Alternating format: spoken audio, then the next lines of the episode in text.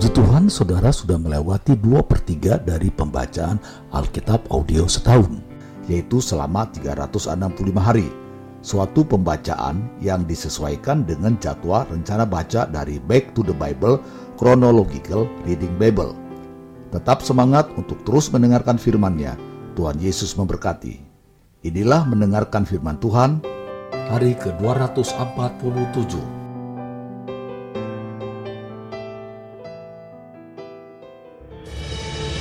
Yehezkiel pasal 24 ayat 1 sampai 14 lambang kuali yang berkarat. Pada tahun ke-9 dalam bulan yang ke-10 pada tanggal 10 bulan itu datanglah firman Tuhan kepadaku. Hai anak manusia tuliskanlah tanggal hari ini. Ya tanggal hari ini.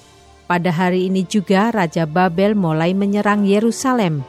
Ucapkanlah suatu perumpamaan kepada kaum pemberontak dan katakanlah kepada mereka, Beginilah firman Tuhan Allah, taruhlah kuali di atas api, taruhlah, dan tuanglah juga air ke dalamnya.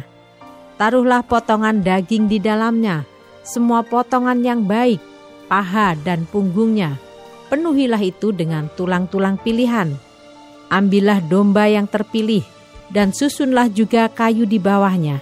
Biarlah masakan itu mendidih, dan tulang-tulangnya turut empuk di dalamnya. Oleh sebab itu beginilah firman Tuhan Allah. Celakalah kota yang penuh hutang darah, kuali yang berkarat di dalamnya, dan karatnya tidak hilang daripadanya. Keluarkan potong demi potong dari dalamnya tanpa memilih-milih, sebab darah yang dicurahkannya masih terdapat di tengah-tengahnya. Ia mencurahkannya di atas bukit batu yang gundul, ia tidak mencurahkannya di atas tanah, supaya ditutupinya dengan tanah. Demi amarah yang timbul dan rasa pembalasan yang bangkit, aku akan mencurahkan darahnya sendiri ke atas bukit batu yang gundul, supaya jangan ditutupi. Oleh sebab itu, beginilah firman Tuhan Allah: "Celakalah kota yang penuh hutang darah. Aku juga hendak memperbesar pancakannya. Susunlah banyak kayu, nyalakan api." Biarlah dagingnya masak betul, buanglah kuahnya, dan biarlah tulang-tulangnya hangus. Letakkanlah periuk itu kosong di atas bara api, supaya itu dibakar dan tembaganya menjadi merah, sehingga kotorannya hancur di dalamnya dan karatnya hilang. Aku bersusah payah dengan sia-sia, sebab karatnya yang tebal tidak mau hilang daripadanya, biar dalam api oleh karena engkau menajiskan dirimu dengan kemesumanmu, dan aku ingin mentahirkan engkau, tetapi engkau tidak menjadi tahir dari kenajisanmu, maka engkau tidak akan ditahirkan lagi, sampai aku melampiaskan amarahku atasmu. Aku Tuhan yang mengatakannya, hal itu akan datang, dan aku yang akan membuatnya. Aku tidak melalaikannya dan tidak merasa sayang, juga tidak menyesal Aku akan menghakimi engkau menurut perbuatanmu. Demikianlah firman Tuhan Allah. Ayat 15 sampai 27. Kematian istri Yehezkiel sebagai lambang kejatuhan Yerusalem. Kemudian datanglah firman Tuhan kepadaku, "Hai anak manusia, lihat, aku hendak mengambil daripadamu dia yang sangat kau cintai, seperti yang kena tulah, tetapi janganlah meratap ataupun menangis, dan janganlah mengeluarkan air mata. Diam-diam saja mengeluh, jangan mengadakan ratapan kematian. Lilitkanlah destarmu dan pakailah kasutmu. Jangan tutupi mukamu dan jangan makan roti perkabungan. Pada paginya aku berbicara kepada bangsa itu, dan pada malamnya istriku mati. Pada pagi berikutnya aku melakukan seperti diperintahkan kepadaku. Maka bangsa itu berkata kepadaku, Tidakkah engkau bersedia memberitahukan kepada kami apa artinya ini bagi kami bahwa engkau melakukan demikian? Lalu ku jawab mereka, Firman Tuhan sudah datang kepadaku. Katakanlah kepada kaum Israel, beginilah firman Tuhan Allah. Sesungguh-sungguhnya, aku akan menajiskan tempat kudusku, kekuasaanmu yang kau banggakan, kenikmatan bagi matamu dan bagi jiwamu, dan anak-anakmu lelaki dan perempuan yang kamu tinggalkan akan mati rebah oleh pedang. kamu akan melakukan seperti yang kulakukan. Mukamu tidak akan kamu tutupi dan roti perkabungan tidak akan kamu makan. Kepalamu pakai destar dan kakimu pakai kasut, dan kamu tidak akan meratap atau menangis. Tetapi kamu akan hancur lebur dalam hukumanmu, dan kamu akan mengeluh seorang kepada yang lain. Demikianlah Yehezkiel menjadi lambang bagimu. Tepat seperti yang dilakukannya, kamu akan lakukan kalau itu sudah terjadi, maka kamu akan mengetahui bahwa Akulah Tuhan Allah. Dan engkau, anak manusia, bukankah begini akan terjadi? Pada hari aku mengambil dari mereka benteng mereka, perhiasannya yang menggirangkan hatinya, kenikmatan matanya, dan yang dirindukan jiwanya, anak-anak mereka lelaki dan perempuan, pada hari itu juga akan datang seorang yang terluput membawa berita kepadamu pada hari itu, mulutmu akan terbuka dan engkau akan berbicara kepada orang yang terluput itu dan tidak lagi tetap bisu. Dengan demikian, engkau menjadi lambang bagi mereka dan mereka akan mengetahui bahwa akulah Tuhan. Pasal 25 sampai 32. Nubuatan-nubuatan melawan bangsa-bangsa. Yehezkiel pasal 25 ayat 1 sampai 7. Nubuatan melawan Bani Amon. Datanglah firman Tuhan kepadaku, Hai anak manusia, tujukanlah mukamu kepada Bani Amon dan bernubuatlah melawan mereka. Katakanlah kepada Bani Amon, dengarlah firman Tuhan Allah. Beginilah firman Tuhan Allah. Oleh karena engkau menyerukan syukur mengenai tempat kudusku, waktu kekudusannya dilanggar, dan mengenai tanah Israel, waktu itu dijadikan sunyi sepi, dan mengenai kaum Yehuda, waktu mereka harus pergi ke dalam pembuangan. Oleh sebab itu, sungguh, aku menyerahkan engkau kepada orang dari sebelah timur menjadi miliknya. Mereka akan mendirikan perkemahannya padamu dan membangun tempat kediamannya. Mereka akan memakan buah-buahanmu dan meminum susu ternakmu Aku akan membuat Raba menjadi padang rumput untuk unta, dan kota-kota Bani Amon menjadi tempat kambing domba. Dan kamu akan mengetahui bahwa akulah Tuhan. Sebab beginilah firman Tuhan Allah, oleh karena engkau bertepuk tangan dan mengentakkan kakimu ke tanah, dan bergembira dalam hatimu atas kecelakaan tanah Israel, oleh sebab itu, sungguh, aku akan mengacungkan tanganku melawan engkau dan menyerahkan engkau menjadi jarahan bagi suku-suku bangsa dan melenyapkan engkau dari tengah bangsa-bangsa dan membinasakan engkau dari negeri-negeri. Aku akan memusnahkan engkau, dengan demikian engkau akan mengetahui bahwa akulah Tuhan. Ayat 8 sampai 11. Nubuatan melawan Moab. Beginilah firman Tuhan Allah. Oleh karena Moab berkata, sungguh kaum Yehuda adalah sama dengan semua bangsa lain. Oleh sebab itu, sungguh aku akan membiarkan dataran tinggi Moab terbuka dengan runtuhnya kota-kotanya. Ya, kota-kotanya tanpa terkecuali, yaitu kepermaian negeri itu, Bet Yesimot, Baal Meon, dan Kiryataim. Aku akan menyerahkan dia bersama Bani Amon kepada orang dari sebelah timur menjadi miliknya supaya Bani Amon jangan diingat-ingat lagi di antara bangsa-bangsa. Aku akan menjatuhkan hukuman kepada Moab, dan mereka akan mengetahui bahwa akulah Tuhan. Ayat 12 sampai 14. Nubuatan melawan orang Edom. Beginilah firman Tuhan Allah. Oleh karena Edom membalaskan dendam kesumat terhadap kaum Yehuda dan membuat kesalahan besar dengan melakukan pembalasan terhadap mereka.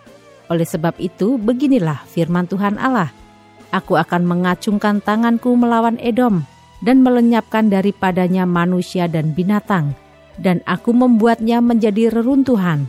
Dari Teman sampai Dedan, mereka akan mati rebah oleh pedang. Aku akan melakukan pembalasanku terhadap Edom dengan tangan umatku Israel dan mereka akan memperlakukan Edom selaras dengan murkaku dan amarahku, dan mereka akan mengetahui bahwa akulah yang membalas. Demikianlah firman Tuhan Allah. ayat 15 sampai 17, nubuatan melawan orang Filistin. Beginilah firman Tuhan Allah. Oleh karena orang Filistin membalaskan dendam kesumat dan di dalam kegembiraannya atas kecelakaan Israel, melakukan pembalasan dengan melakukan pembinasaan karena rasa permusuhan yang turun-temurun. Oleh sebab itu, beginilah firman Tuhan Allah. Sungguh, aku akan mengacungkan tanganku melawan orang Filistin dan melenyapkan orang kereta dan membinasakan yang lain-lain di tepi pantai laut. Aku akan melakukan pembalasan yang kejam terhadap mereka, disertai penghajaran-penghajaran kemarahan, dan mereka akan mengetahui bahwa akulah Tuhan pada waktu aku melakukan pembalasanku terhadap mereka. Yehezkiel pasal 26 ayat 1 sampai 21. Nubuatan melawan Tirus. Pada tahun ke-11 dalam bulan yang tertentu, pada tanggal satu bulan itu, datanglah firman Tuhan kepadaku. Hai anak manusia, oleh karena Tirus berkata mengenai Yerusalem, syukur, sudah rusak pintu gerbang bangsa-bangsa itu. Ia akan beralih kepadaku, sehingga aku menjadi penuh, tetapi ia menjadi reruntuhan. Oleh sebab itu, beginilah firman Tuhan Allah. Lihat, aku menjadi lawanmu, hai Tirus, Aku akan menyuruh bangkit banyak bangsa melawan engkau, seperti lautan menimbulkan gelombang-gelombangnya. Mereka akan memusnahkan tembok-tembok tirus dan meruntuhkan menara-menaranya. Debu tanahnya akan kubuang sampai bersih daripadanya, dan akan kujadikan dia gunung batu yang gundul. Ia akan menjadi penjemuran pukat di tengah lautan, sebab aku yang mengatakannya. Demikianlah firman Tuhan Allah ia akan menjadi jarahan bagi bangsa-bangsa, dan anak-anaknya perempuan yang tinggal di daratan akan ditewaskan dengan pedang, dan mereka akan mengetahui bahwa akulah Tuhan. Sebab beginilah firman Tuhan Allah, Sungguh, aku membawa dari utara Raja Nebukadnezar, Raja Babel, Raja segala raja untuk melawan Tirus dengan memakai kuda, kereta, pasukan berkuda, dan sekumpulan tentara yang banyak Anak-anakmu perempuan yang tinggal di daratan akan dibunuhnya dengan pedang. Ia akan menimbun tembok pengepungan dan menyusun alat-alat pendobrak dan memasang perisai melawan engkau. Tumbukan alat pendobraknya akan dilancarkan terhadap tembok-tembokmu, dan menara-menaramu akan dirobohkan dengan beliung-beliungnya. Kudanya adalah begitu banyak, sehingga engkau akan ditutupi oleh abu, karena derap pasukan berkudanya dan kertak roda keretanya tembok-tembokmu akan gemetar. Kalau ia memasuki pintu-pintu gerbangmu seperti orang memasuki kota yang sudah terbuka karena pendobrakan. Dengan kaki kuda-kudanya, ia hendak menginjak-injak semua jalan-jalanmu. Rakyatmu akan dibunuh dengan pedang, dan tugu-tugu yang kau andalkan akan dirobohkan ke tanah. Mereka akan merampas kekayaanmu dan menjarah barang-barang perniagaanmu mereka akan meruntuhkan tembok-tembokmu dan merobohkan rumah-rumahmu yang indah. Batumu, kayumu, dan tanahmu akan dibuang ke dalam air. Aku akan mengakhiri keramaian nyanyianmu, dan suara kecapimu tidak akan kedengaran lagi. Aku akan menjadikan engkau gunung batu yang gundul, dan dengan demikian engkau akan menjadi penjemuran pukat, sehingga engkau tidak akan dibangun kembali, sebab aku Tuhanlah yang mengatakannya. Demikianlah firman Tuhan Allah. Beginilah firman Tuhan Allah kepada Tirus. Apakah daerah pesisir tidak akan gemetar mendengar derum kejatuhanmu? Kalau orang-orang yang berbahan mengerang karena pembunuhan raja lela di tengah-tengahmu. Semua pemuka bangsa-bangsa yang di tepi lautan akan turun tahta dan menjauhkan jubah-jubah kerajaannya dan menanggalkan pakaiannya yang berwarna-warna. Mereka akan diliputi kegentaran dan akan duduk di tanah. Mereka akan gentar senantiasa dan kaget melihat engkau. Dan mereka akan mengucapkan suatu ratapan mengenai engkau dan akan mengatakan kepadamu, Bagaimana engkau, hei kota yang terpuja, hilang dari lautan, kota yang berkuasa di laut, engkau dengan pendudukmu yang menimbulkan ketakutan pada penduduk di daratan. Sekarang daerah pesisir jadi gentar pada hari jatuhmu. Ya, daerah pesisir yang di tepi laut gempar mendengar kesudahanmu. Sebab beginilah firman Tuhan Allah, pada saat aku menjadikan engkau kota reruntuhan, seperti kota-kota yang tidak berpenduduk lagi, kalau aku menaikkan pasang samudera raya atasmu dan air banjir menutupi engkau, maka aku akan menurunkan engkau, supaya engkau bersama-sama di sana dengan orang-orang yang turun ke liang kubur kepada bangsa dahulu kala, dan aku akan membuat engkau tinggal di bumi yang paling bawah, seperti reruntuhan dahulu kala, bersama dengan orang-orang yang turun ke liang kubur, supaya engkau jangan lagi didiami orang dan jangan tampil lagi di negeri orang-orang hidup. Aku menentukan bagimu akhir hidupmu yang mendasyatkan, dan engkau tidak terjumpa lagi. Engkau dicari orang, tetapi tidak ditemui lagi untuk selama-lamanya. Demikianlah firman Tuhan Allah. Yehezkiel pasal 27 ayat 1 sampai 36. Nyanyian ratapan mengenai Tirus. Datanglah firman Tuhan kepadaku, "Hei engkau anak manusia, ucapkanlah suatu ratapan mengenai Tirus dan katakanlah kepada Tirus yang terletak di pintu masuk lautan dan yang berdagang dengan bangsa-bangsa di banyak daerah pesisir. Beginilah firman Tuhan Allah. Hei Tirus, engkau berkata, Aku kapal yang maha indah, wilayahmu di tengah lautan. Ahli bangunmu membuat keindahanmu sempurna. Seluruh badanmu mereka buat dari kayu sanobar senir. Mereka mengambil aras Libanon, membuat bagimu tiang layar. Pohon tarbantin dari basan dipakai untuk dayungmu. Geladakmu mereka buat dari tulang gading, ditatahkan di cemara dari pantai Kitim Layarmu diperbuat dari lenan halus yang berwarna-warni dari tanah Mesir. Itulah tandamu. Dan tendamu diperbuat dari kain ungu tua dan kain ungu muda dari pantai Elisa. Orang Sidon dan Arwat menjadi pendayungmu. Tukang-tukangmu, Hetirus, berada padamu. Mereka menjadi pelaut-pelautmu. Tua-tua Gebal dengan ahli-ahlinya berada padamu hendak memperbaiki kerusakan-kerusakanmu. Segala kapal laut beserta anak kapalnya berlabuh padamu, hendak menukarkan barang dagangannya. Orang Persia, Lut, dan Put yang menjadi prajuritmu ada dalam ketentaraanmu. Perisai dan ketopong digantungkan padamu, mereka menambah semarakmu. Orang Arwat dan tentaranya memanjat di atas tembok-tembokmu sekeliling, dan orang gamat di atas menara-menaramu. Mereka menggantungkan perisai-perisainya pada tembok-tembokmu sekeliling. Mereka membuat keindahanmu sempurna. Tarsis berdagang dengan engkau dalam segala macam harta yang banyak. Mereka menukarkan perak, besi, timah putih, dan timah hitam ganti barang-barangmu. Yawan, Tubal, dan Meseh berdagang dengan engkau mereka menukarkan budak-budak, barang-barang tembaga ganti barang-barang daganganmu. Dari Beto Garma, mereka menukarkan kuda kereta, kuda tunggang, dan bagal ganti barang-barangmu. Orang Rodos berdagang dengan engkau. Banyak daerah pesisir menjadi daerah pasaranmu. Mereka membawa kepadamu tulang gading dan kayu arang sebagai upeti. Edom berdagang dengan engkau karena banyaknya hasil-hasilmu mereka menukarkan permata batu darah, kain ungu muda, pakaian berwarna-warna, kain lenan halus, karang dan batu delima, ganti barang-barangmu. Yuda dan tanah Israel berdagang dengan engkau. Mereka menukarkan gandum dari minit, mur, madu, minyak, dan balsam, ganti barang-barang daganganmu.